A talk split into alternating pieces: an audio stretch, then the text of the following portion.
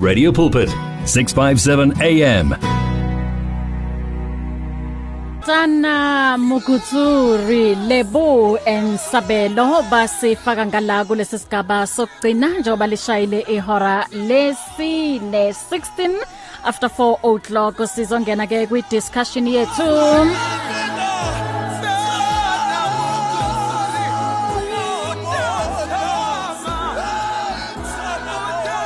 Ngikanye ke nomfundisi uMamsi Ndlalane. Ey, kwabhlungu kumina mfundisi ukuthi namuhla iSunday yokugcina.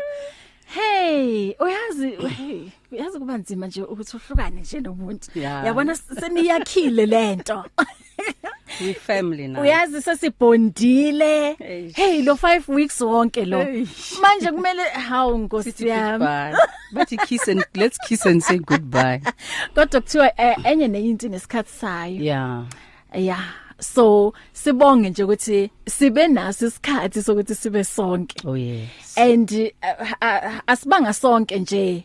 Um sibe sonke si sifunda kuwena mfundisi. And uh, nanamuhla ke hey yazi namuhla ngiyayithanda ngoba ababaningi abantu mfundisi uthola ukuthi umuntu athi um, yena ngokwakhe ayitshele athi I'm the best. Mm. and uh, nakwabanye abantu akusikaningi uthola ukuthi umuntu uzokutshela ukuthi you are the best and uthola ukuthi mhlambe u- uyayimina leyo nto. Umunye angathi you are the best ngoba ebonga e benefit something from you and then bese kuza ke lawo magama athi you are the best. So um namuhla sikhuluma yona leyo ndaba ukuthi you are the best and then si sibuka eh ukuya ngezwi um likaNkuluNkulu from incwadi kaJohn 1 um 45 to 46 mina ke mfundisi ngithi kuwena you are the best. Amen. And i mean it. Thank you. God bless. Thank you lord. You are the best. Ngoba ku- Wow. kuno kuno kunombishop ne? Umbishop Mabhena.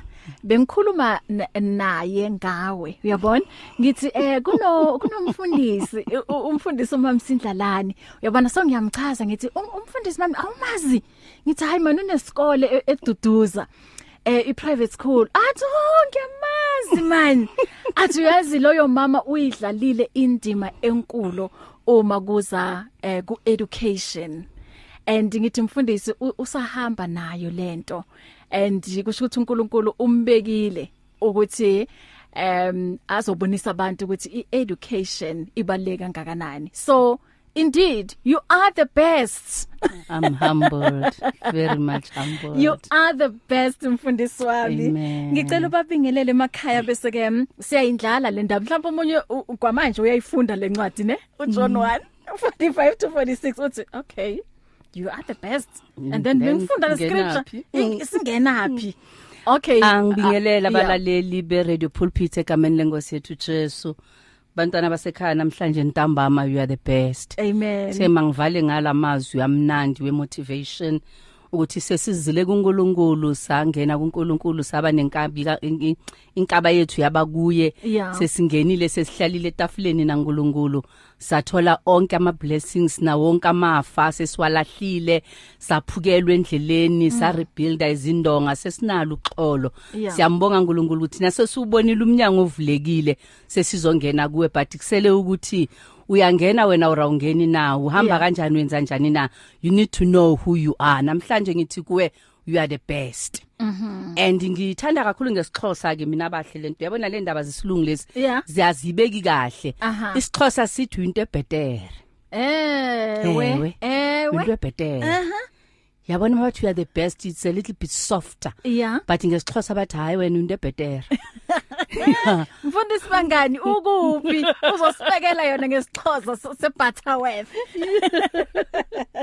yeah mhm. So manje ngifuna ukuthi sithole sifunde lapha sibone ukuthi kuhlangana kanjani no John 1 verse 45 to 46 yeah so lifundeka kanjena. Philip found Nathanael and told him we have found the one Moses wrote about in the law. And about whom the prophets also wrote Jesus of Nazareth the son of Joseph Nazareth can anything good Wow. come from there Nathaniel asked Nazareth uyathuka Mm. can anything good come from there Mm. I understand it much better because u- uNathaniel useGalilee yeah. And when we read the bible kula uJesu afike wenza khona i i lo miracle yakhe yokuqala wachinja amanzi wawenza iwine. So kusho ukuthi iGalilee la yena bekavela khona that's where he expected something good to come from that. Because if kwashadwa ngalesa sikhathi kusho ukuthi bokuyindawo eshadayo. Bekuyindawo e- enamathando bokuyindawo enemali yokulobola or inkomo zokulobola. So bok- bokunama activities amaningi ayenzakalayo eGalilee so now also Philip Philip is from Bethesda. eBethesda siyazi ukuthi bokunalela chibi angithi lokuphilisa ingelo sizoza kayi1 ngonyaka ifika ingene inyakazise bese umuntu uyangena bese uyaphila. So these two chaps babuya ezindaweni okungavela khona umuntu ongcono. Ngoba abantu bayasuka le kude bazolanda ukuphila la eBethesda. So now eBethesda. So why manje ukuphila nalo Jesu angaveli la? Why uJesu angaveli la eGalilee because there are a lot of activities that are taking place. When you look at Nazareth the bible says mawufunda mawufunda history yakhona bokuyindawo incane edelelekile. Lithi there were not even activities. Bokungenziwa even trade ke le bartering ngizoya bahle ngiyothenga ngithatha inkomo ngibanika amacici. Bokungayenzakali nix. Bebakambelwe nje bahlala endaweni e1 bazana babodwa bahlupheke nabahluphekile impilo yabo iyalingana baphelele khona lapho. So now this yamshoka uNathaniel. And then mayimshoka wasiyachwenza can anything good come from Nazareth? He's talking about Jesus. Uthi lo Jesus Christ. Uthi really? Can anything good come from Nazareth? And I love i response ka Philip uPhilip akathi yes something good has come out of that. Uthi come and see. Woza ndoda uzobona. And when you go down with the story, when Nathaniel meets Jesus face to face, uJesu yamtshela ukuthi ubani.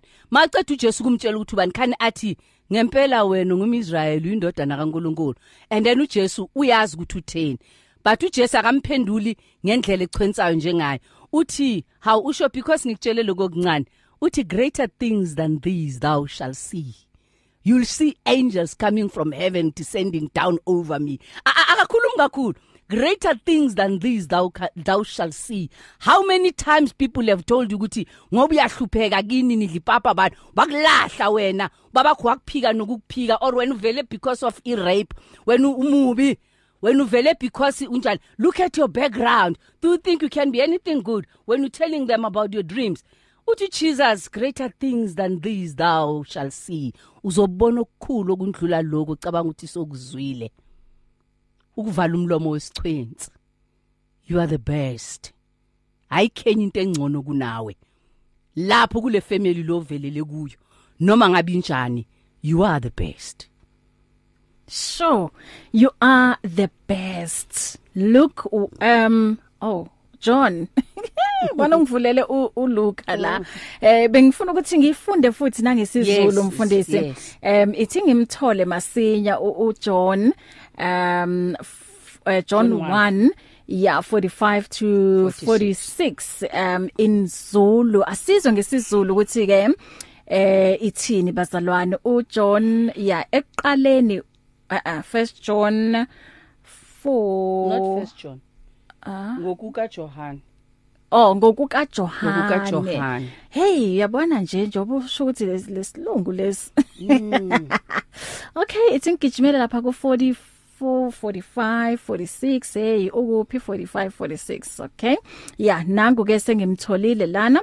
Ithi ke lencwadi u iyona mfundisi oh yeah u uPhilip wafumana u uNathaniel wathi kuye simfumene loyo aloba ngaye emthethweni uMose kanye nabaprofeti uJesu waseNazaretha indodana kaJosefa.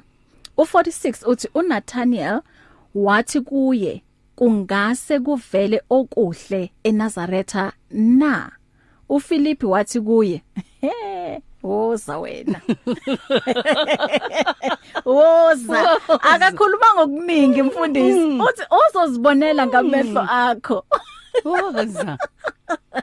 Yo. You don't argue with people. Yes. Wena Yeah. ungaba nje ungaba ngcono unga- ungathola i-degree. Yeah. wena ungaba nendlu wena ungashada. Aha. wozibone. Yeah yeah yeah bese uyafika nje uthi yeah uthi bayibonela look at my god. Yeah. Mm.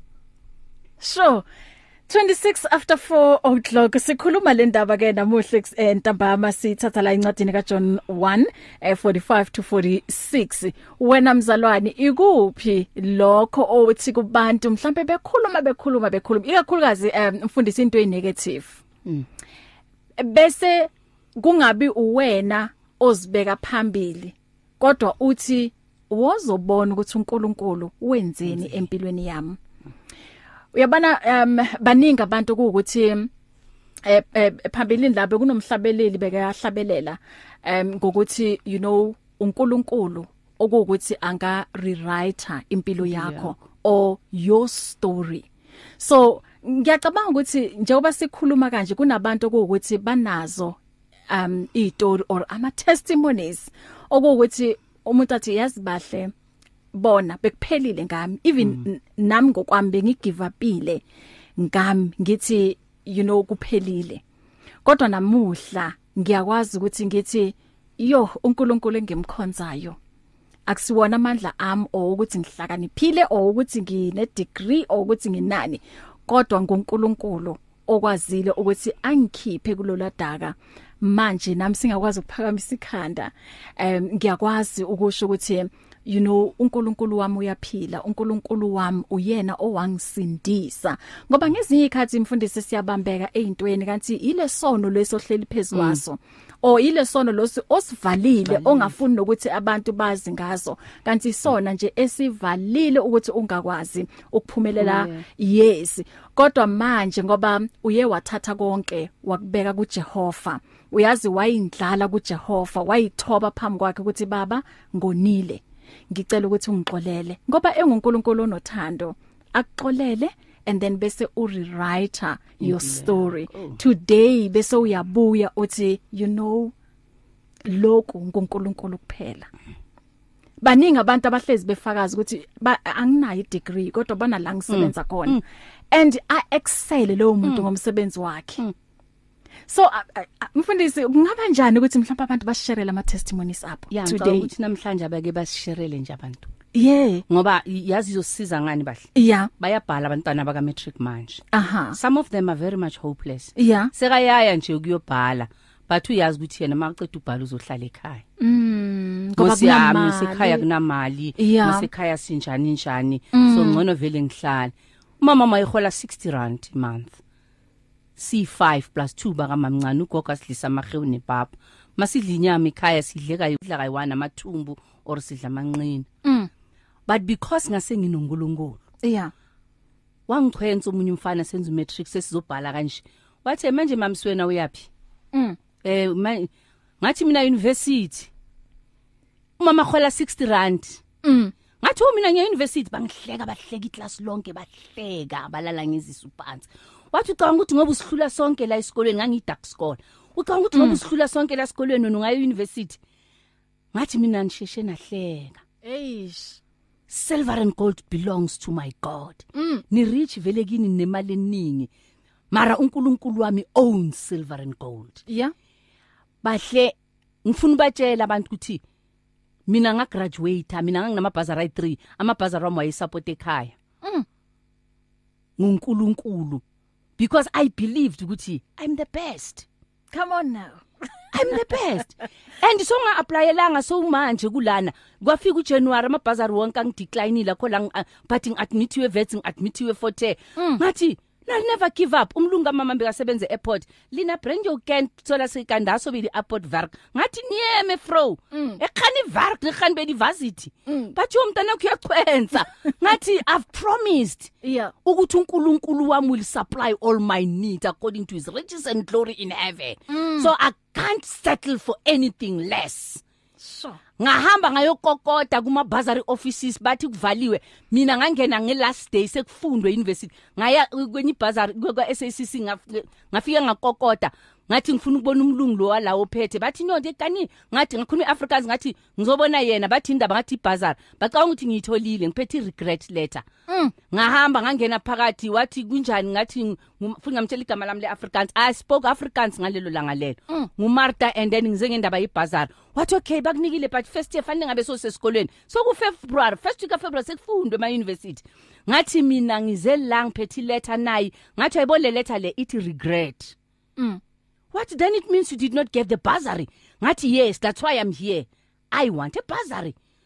What you know we cannot allocate you ibursary. Ngathi nanka ama letter ayi2 le yase vets le yase forte ngiadmithiwe nanka ama results ngiphasile. Le letter it regret but there's one yazi uNkulunkulu kuniki wisdom. Mm. Ngathi there's one thing I know. khona abanye nibanikile amabhazari abangawathathanga bafailile or ba accept amanye amabhazari and then bathatha iphi leyo mali leyo ngifuna leyo mali leyo yeah. just like that wathi umlungu hey Martha uyahlupha ngathi vel school tukhani wathi okay sakuchuzela ivets yaduru zihamba uye 40 ngathi anginandaba. Wathi sizokubhadalela for the first 3 months kuphele just. Ngathi ukungena nje esikolweni bus anginandaba. Mm. bahle iPA my type iletter yebursary wathi full scholarship accommodation food clothes. Wathi transport money wathi box. Oh. Yabuya incwadi ngayibhenga wasign umlungu akafunda akafundi. Ngaphuma ngahlala ngaphandle egate ngakhala. Ngikhaliswa yini? Ngise Heidelberg ngihlale eduduza fanele ungikhethele 40 40 ese Eastern Cape. Mm. ngiyofika ngani? Nemali engiyengaya Heidelberg ngiyibolekile. Mm. ngajika ngabuyele emuva. Ngathi lalela ke phela menier. Anginamali transport angithi uthe wena ngihambe ngiye 40 ese Eastern Cape. Evet mhlambe bengazama ukugibela isitime ya! Ngahlala ngathi manje anginamali. Kusasa fanele ngihambile sebayafunda esikole. Sengiphethe ibhazari. Yeah. Already bese ngine guarantee sengine authority yokusho noma yini. Yes. Ifaith yami bese guaranteed yonke into bese ibhaliwe ngathi manje ngifika kanjani? Yeah. Wathi umlungu ubuzani ukuthi ama flight malini ye Cape Town. Babuza babuza babuza babuza babuza. Wavula wakhipha imali ye flight wakhipha imali yemoto ukusuka la kuyo airport ukusuka airport eEast London ukungimukise Fort Hare. Ngahamba ngafika ekhaya ngathatha le mali ngathenga impuphu ngathenga ishibo ngathenga ithikithi lesitimela ngagibela isitimela ngalala esitimeleni. Ngafika ngakusasa. Oh. Our god can supply all our needs according to our riches his riches and glory in Amen. heaven. Amen. only if you believe that you are the best. Mm. Ngasiceda isikolo. Azange sicede lo yamfoba benemali eningi kibo. Namhlanje makadibana nami uthi sisi. Mm. Sho uNkulunkulu esimkhonzayo ngempela uNkulunkulu namandla. Kakhulu. mfundisi um njoba usho ukuthi kwamanje uh, bayabha bazobhala uh, bayabhala in fact um laba be matric and ngobufakazi bakho. Um ngiyazi ukuthi radio pulpit esikhathini esiningi ayilalela abantu abasha. Ngoba kune program. yes abazali balalele. nabo sisi nabo nabo mamkhulu bazabatshela. Bazabatshela. Ukuthi akukho okumehlulayo uJehova. Faith. So yonke into boyenza boyenza ngefaith sure um 1634 mhlambe nawe unobufakazi uthanda ukushare nathi namuhla. Eh kwamanje uyasho um o bebesho nje izinto babezisho ngawo kodwa namuhla eh, ngamandla kaNkuluNkulu ngothando lukaNkuluNkulu uthi come and see ukuthi uNkulunkulu wayishintsha kanjani impilo yami? Why rewrite istory sami namuhla akuseseyile sa story ebengisikhuluma um 20 years ago or 10 years ago ngikhuluma esinye story okuwukuthi eh, sihamba nobani noJehova ngaphakathi Mm 012 334 1322 kodwa uma ngibuya ngala Give your faith wings. Explore life with 657 AM. 657 AM. As easy as the touch of a button. The message of life on 657 AM. Ngabe uyakholwa yini mzalwane ukuthi you are the best? Or ulalela abantu ukuthi bona bathini ngawe? Or ulalela uNkulunkulu ukuthi uthini ngawe? Ngabe uyakholwa yini ukuthi udalwe ngomfanekiso kaNkulunkulu?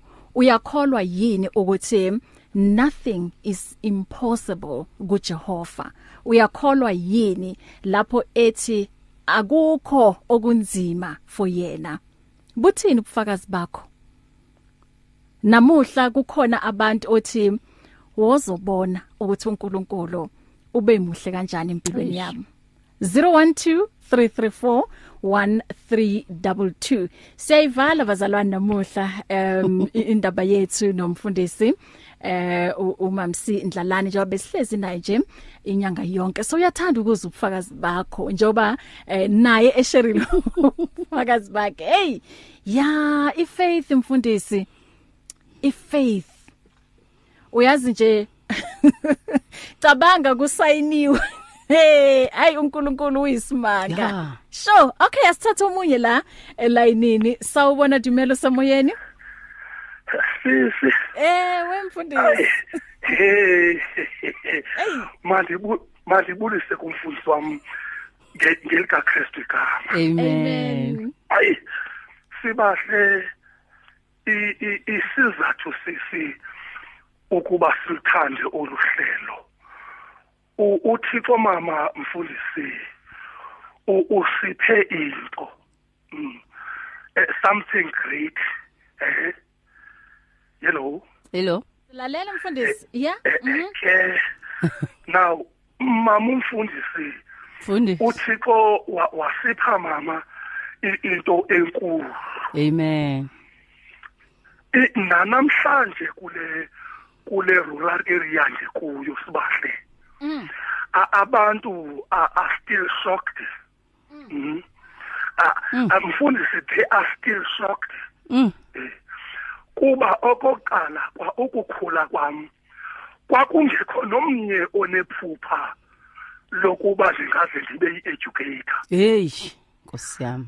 eh ngikhuliswa ngumama wayengenaso nestand. 1983 mfundisi ipocket money yam yayi-2 rand. Yeveki ye- yeveki. Ngizawuthatha mama i-distance eplus minus 7 to 10 kilometers bheka high school Mhm. I- ku- kunezindlu ezimbini apha ezimbi ezinorondavel Hey. kungekho mali apha ekhaya but mandiye nje mama xa ndiqhawula ibali ndithi here am i today Yeah.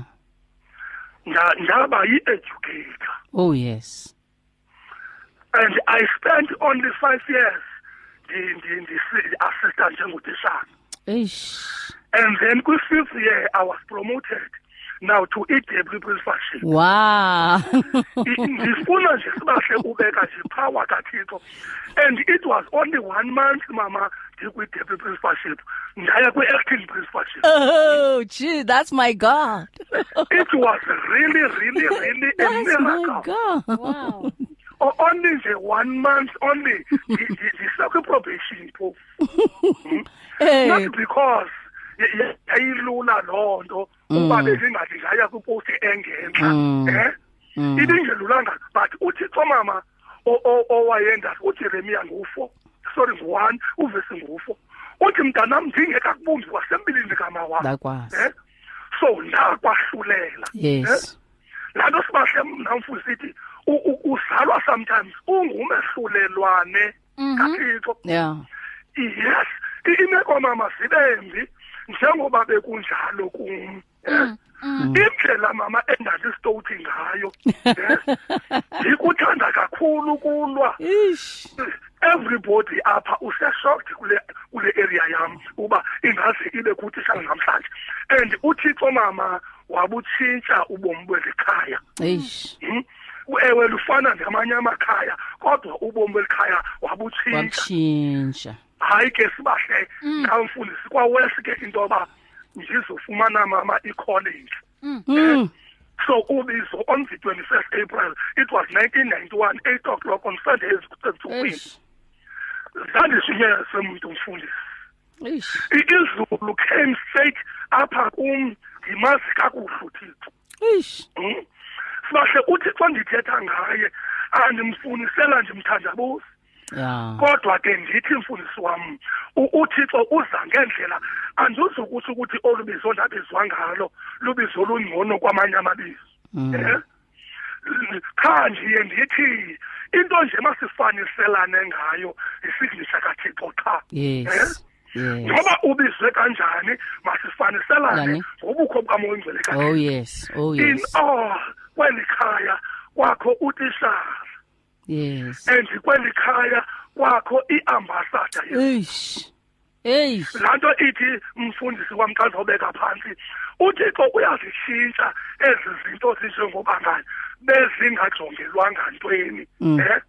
Now thusa sathina lento kuthiwa umzekelo kukothusa isininzi ukuze bazi ukuthi akakho umfundisi umntu womnye eh? Ah, umntu ngokathixo awunawugqiba into yoba laa mntu xa wayelaa ntombi yomsamariya uyawuhlala ubomi bakhe Uyawuhlala laa ubo- ntombi yomsamariya. Eh? U- uthixo nguye mama ojika isimo okanye otshintsha isimo saloo mntu. Here am i. Ndilingqina mfundisi ndibubungqina bobuhle nobukhulu beceba sikathixo Amen. sibahle bold enough. Yeah ngithi brave very strong ngithi confident ngithi courageous Correct. ngithi motivated. Confident enough. Now to Enough. tell izulu ukuthi uthixo uyasitshintsha isimo Isimo sekhaya. Sekhaya. ngithi here am i in jesus name mama ngithi egqibe ngithi in jesus name. Ngegama likajesu ngegunya likajesu ngegazi likajesu Eish. ndingulo mntu ndinguye today. Ndiyabulela kakhulu umfundisi wami ukuthi kusikelele Amen. bahle bentwana kwesizwe Enkosi, enkosi. Enkosi Amen. siyabonga Mm. mfundisi bangani ngetestimony Amen. yakho. Yo. uNkulunkulu aqhubeke nje akubusise bless you. Oh. What a powerful testimony um um mfundisi. Eh sino eh, sinemzuzu ingaki? Eh thingibabeke esithombeni 1643 bazalwane. Uma mhlambe nawe unabo ubufakazi eh uyathanda ukushare u- eh, namuhla nawe u- uyasho ukuthi wozobona eh ukuthi uNkulunkulu wami unamandla kangakanani. Eh uyasaza ngithi isimo sami ukuthi ngibuya kuphi kodwa wozobona ukuthi namandla eh namuhla eh uNkulunkulu wami ungithathile wangibeka kuphi Eish. mm Uthi umhlabelele endaweni esedundu. ya Edundu.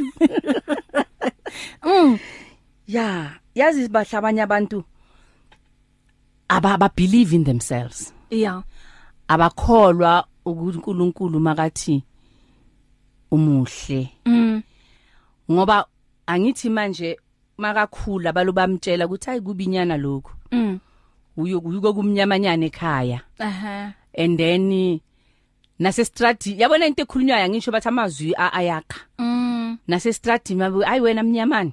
mm Uyafika esikolweni awu hayi mnyamani. mm So uyakhula umnyamano yabona. mm So mawukhuluma kanje ukuthi hey you are the best. mm Athi umuntu ngi the best kanjani akusasho yena mase sekukhuluma lamazwi abantu. Mm. Ngi the best kanjani mina ngoba mina ngimnyamane. mm So aka accept lento uNkulunkulu ambekela yona amtshela yona ukuthi uyiyo. ya And khona into engiyithandayo mina ukuthi mina iBhayibheli lami lineimpendulo zonke. aha Mama mama ufunda uSongs of Solomon chapter 1 verse 5. asibambe lapho sizoyifunda asithathe omunye la mfundisi sawubona dumelo semoyeni Ah, sabona sisawakhe sisagijima manje ikhathi manje.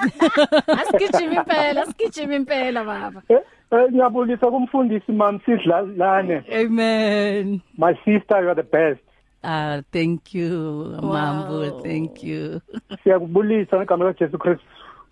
Amen. uNkulunkulu mkhulu akafani nabantu. ya Abantu nabasibukela phansi yena uyasiphakamisa. Eish. Besibuza bathi wena uyini? Futhi uphuma kukhaya elidla ipapa namanzi. Mm. Wena nawudlulisela kuJehova uthi baba uyezwa ukuthi bathini? Eish. uJehova uzobamangaza phendula. Eish. ngikhumbula eh, uSamuel athi uNkulunkulu ukuthi ayo ayogqoka uDavid Eh, uDavid wayehlala nezimvu eyomfanyana nje uSamuel wayehambene noNkulunkulu iminyaka neminyaka kodwa wayenga understand ubukhulu baNkulunkulu neindlela zaNkulunkulu Yeah. nakafika kuDavid uthi but God this boy this boy. This boy. uNkulunkulu uthi hey gcoba yena Yena loyo. loyo. Ngoba le yena uye ngumkhethile lapha. Ngikhetha ngabafowabo ebayidlakela konke lo. Uye loyo. Mm. So our god is amazing. Our god is great. Ngiyabonga kakhulu. uNkulunkulu akubusise my sister. Ubuye futhi siyakufuna futhi pulpit amen. Thank you. To god be the glory. Noma kanjani uyabuya? You are the best babvilakazi ungakhohlwa lokho. Thank you my sister. God be the glory. Amen. 0123341322 singakuvaleli ngaphandle eh woza nawe uzoshare ubufakazi bakho. Lapho nawe usho kwabanye ukuthi wozobona ukuthi lo nkulunkulu engimkhonzayo ungunkulunkulu ophakeme ungunkulunkulu omuhle kangakanani onothando. Yes eh, mfundisi besithi sifunda u- uso isihlabelelo sesihlabelelo yeah. U u- chapter 1 verse 5 mm. Ke sikhombisa abantu abamnyama nje ukuthi uNkulunkulu uthini ngabantu lebamnyama. Yeah. Eh ngoba abantu abamnyama bathanda ukuthi thina simnyama simnyama simnyama. As if umuntu labafana nawe kuphela sibahle ama yellow wena bakunika negama vele laba right. Angithi ama TV nawo ayakhohlisa abantu eh, mfundisi. Yes Yeah. bagcine sebayi bleach abantu Hey. ngoba bafuna ukuthi babe bahle Aha. so when at least noma ngabe self confidence ngekho but abantu mabaloku bathi bahle amagama they are very much important Yeah. mabaloku bathi abantu bahle Yes. ngokuhle sifundele manje songs of solomon Eh ithini mfundisi? ithi dark but beautiful enye version uthi black but beautiful Wow. bese ngesizulu enye version yakhona ngithana ithi ngimnyama kodwa ngimuhle Wow. dark but beautiful Yeah. black but beautiful it's in the bible so ungasiloku sikhohliswa ama politicians ukuthi hey slogan sethu no no no no they must acknowledge ukuthi lento leba ithathe eBhayibhelini uthi ngimnyama kodwa ngimuhle Ngimuhle. Yes. uyazi mawufunda uverse 6 uthi never look down upon me because of my skin color the confidence anayo lo mfazi le confidence anayo lo myeni le confidence anayo lo nkosikazi uthi never ever look down because of my skin color mm. i am black but i'm beautiful Wow. because god created me like this Yeah. Siyenziwe ngomfanekiso kaNkuluNkulu Mhm. iskin color sami has nothing to do with who I am Ngobuhle, yes. it has nothing to do with God with what God has deposited in my inside i still value valuable to God i still have my talents that i must explore mm. and live a better life so uNkulunkulu ufuna ukungithatha ngibeke kwenye indawo angiphakamisa ngihlalise namakhosi but until such time ngazi ukuthi ngimuhle Mm. Ngimuhle and i'm the best in the Dark- best ayihlali phansi Yeah. You are black but beautiful. Beautiful. You are dark but beautiful. Beautiful. So iskin color asenza umuntu ukuthi abe muhle. Ngesinye isikhathi yebo um ukukubuka ngaphandle umuhle kodwa inhliziyo yona ithini? Ayisembi. Hey, that's why uNkulunkulu athi my son give me your heart i'll give you a new heart. Lapho ke angithi sesi- sibuke lobu buhle. Lapho manje seyizo so seyizophumela ngaphandle ngaphandle. sesiyibona se inhliziyo yakho phela siyibona ngezenzo.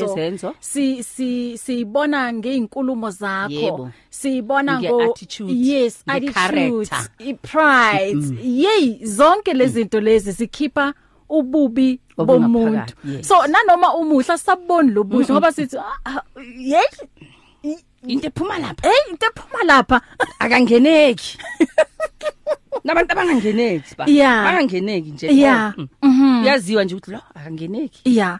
So em empeleni mfundisi lokho ububi lobo bungaphakathi buyabuvala ubuhle obungaphandle. yonke into engaphakathi ivalo kungaphandle Yeah. Mawumubi ngaphakathi ngaphandle uba mubi noma ngabe unjani? Yeah. kunomzalo ofike lapha kimi usisi womntwana kahle kahle akasumzali. Ufike kimi uzobhadalela umfo wabo. Mm. yahlala lento kuncane lokwentombazana uhleli lapha. Ubunile ne? Azange saka saxabana sazani uza for the second time uzobhadala school fees for umntana kimi. Ayi man yazi spirit samsinga yazi sis ngingakhululeki ngimbhali ngimnike ngimenzele ireceipt but man ngithi hayi man. Mm. Ubuye emsebenzini orulovile emsebenzini orikhana uya akhuluma athi no i'm on sick leave. Ngithi mina hayi man uyabonakala hayi eh, eh, eh, umubi man. Mm. lento engiyibona la ngaphandle. Mhm. hayi umubi. Kwenzakalani? Athi depression. Mm. ngithi ya. Ngithi mntana nami yabonakala Mm. Ikuphumele ngapha. Uyangibona ngiqala ukukubona mara ngibona lento engaphakathi kuwe. Mm. Ngicela uhambe uye for counseling. Uthi ngiyaya ngiyahluleka bangitshela ukuthi ngiavoid stress. Ngithi akufanelanga usiavoid fanele ufunde indlela zokusimanage Yes. istress. Mhm. ngathi angizukhuluma nawe namhlanje ngifuna ukukhuluma ngawe ngendoda ezokusiza. Mara ngizothatha inamba yakho ngiyothi mase ngi right sengicabanga ukuthi ungiready ukukhuluma nawe ngizokufonela. Phumela ngaphandle. Mawumbhekele kudeni muhle. Kodwa masombuka kahle yabona ukuthi something is troubling here inside. Yeah. kufana nomuntu omuhle. Ngi- ngine- ngineminyaka eminingi mina ngakwazi ukushuda isithombe ngihlekile. Mm. mangibheka ithombe zami zonke lezo bengahleki at all. Mangibheka ithombe zami zamanje after iforgiveness sengivula inhliziyo ngaxolela hey man singekwazi ukuhleka. Ngithi mina Mm. Eyithombeni senginje bengithethiswa njalo green ke hleka phumela ngaphandle Because you are bitter yes lapha ngaphakathi. and you also attract i bitterness Yeah. mawubona abantu bahleka bahleka wena Yeah. abona abantu bajabulile wena uva ubuhlungu Yeah. eh you attract in- into ezinegative kuphela kuwe and when you are bubbly and when you are right all, good things yabona ma all good things just all, good things bengu GNF TV on Monday. God, God was just just just and ngiba nama double portion. When you go but wena wena buya futhi. abantu bayakayi1 ben wena bathi wena buya futhi. Yeah. it's my god. Mm. yilento engaphakathi. Yes. so abantu mabazamkele ukuthi nginje bangilahla vele mina. Baba mangimazi. Hayi vumela uNkulunkulu akubusise kulesibongo okhula ngaso. Uyoze usithole nini isibongo sakini? Uzofunga zange wakwasithola so waluza all the blessings uNkulunkulu bekakubekele zona. Yeah. Vuma akubusisa uNkulunkulu kuso sona leso sibongo leso usale sowugijima ngaso angibakuphile bathi sekuyiso and umbongo umama kuthi naye and- wakulahla kakubulalanga Yebo, and akusuwe. Mhm. Akusuwe. Awazi izono lutho zabantu. futhi. Mm. Yebo. Mhm.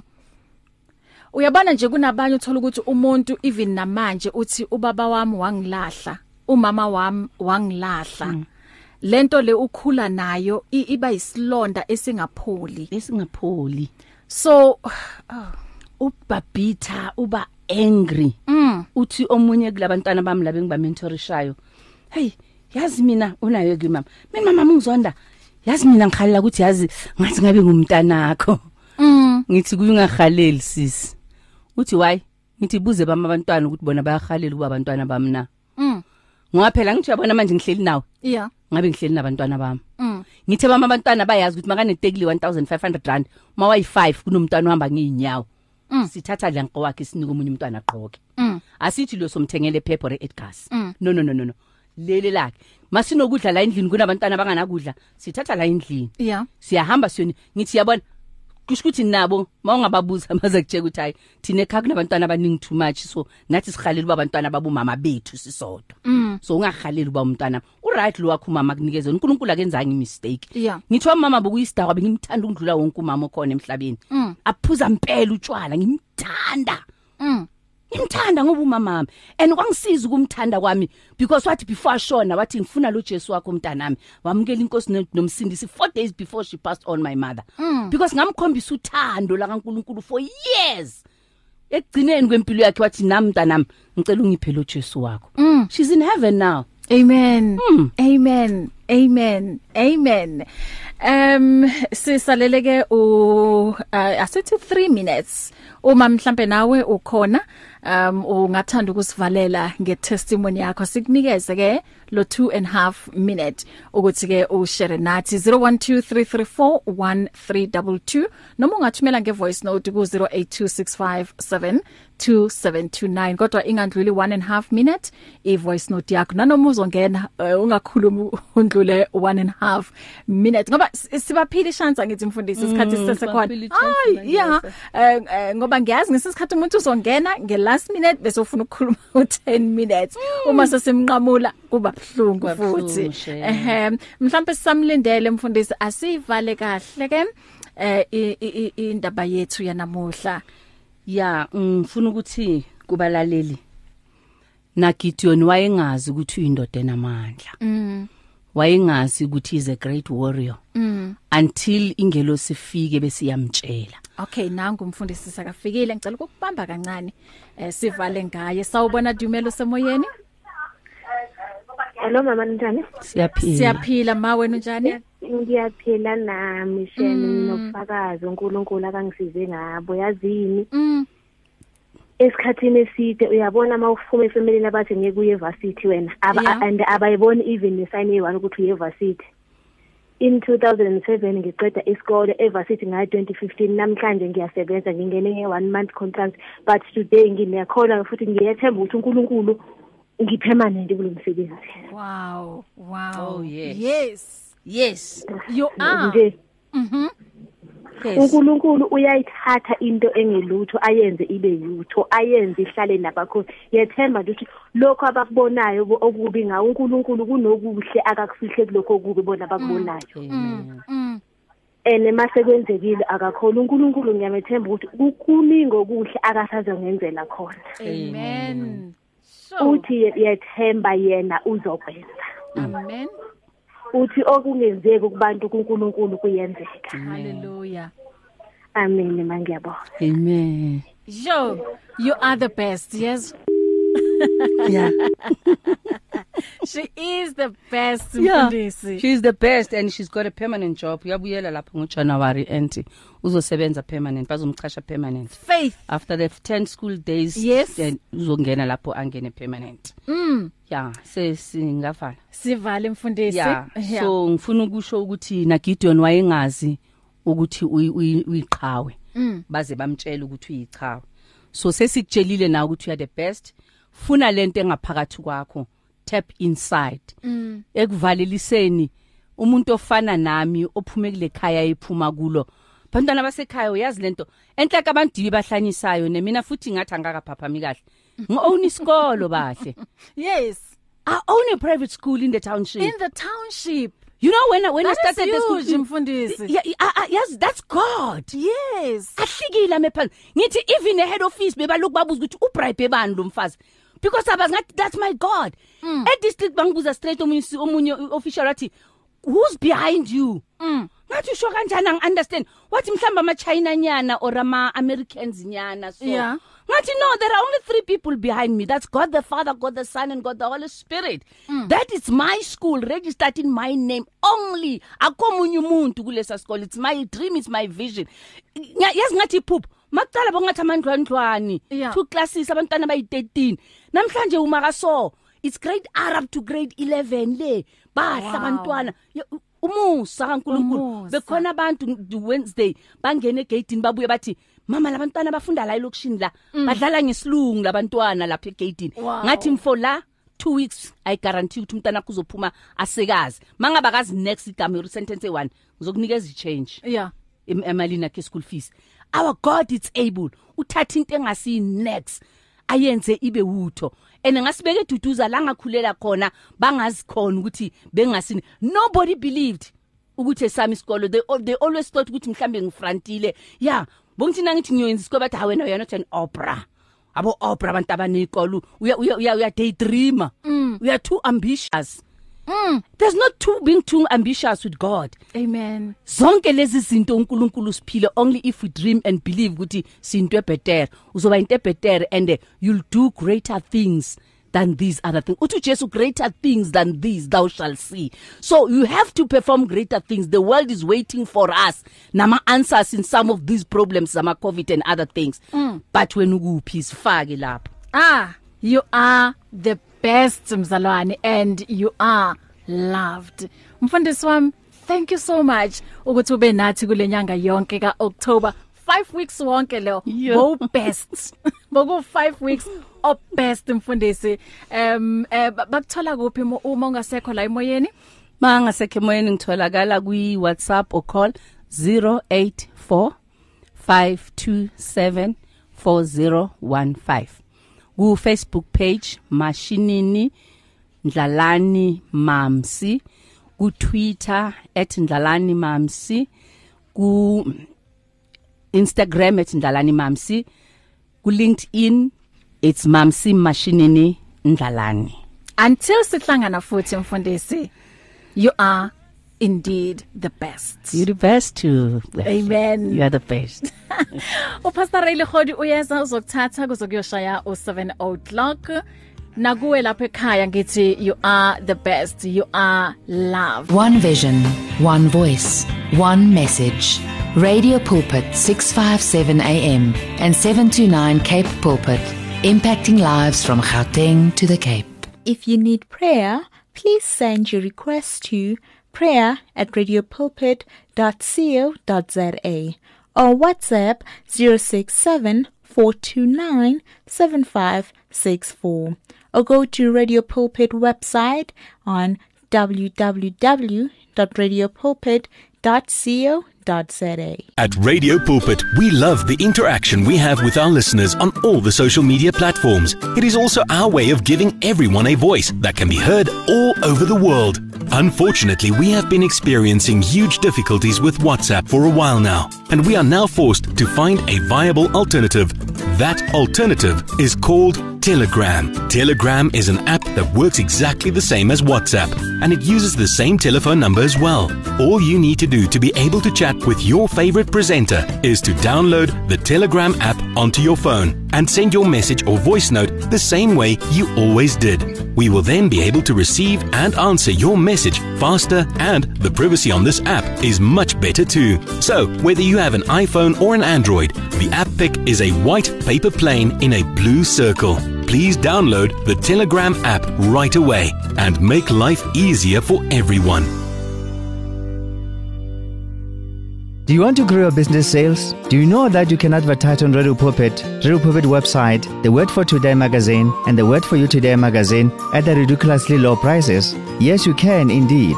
Radio Pulpit, your daily companion, offers you the platform to grow your businesses at the best affordable prices. Simply contact me, Godfrey Moabi, on godfrey at radiopulpit.co.za or call me on 012 334 1265 and I'll tell you how. Remember, I've made it my business to grow your business. You and 657 AM and life, a winning team on the road to eternity.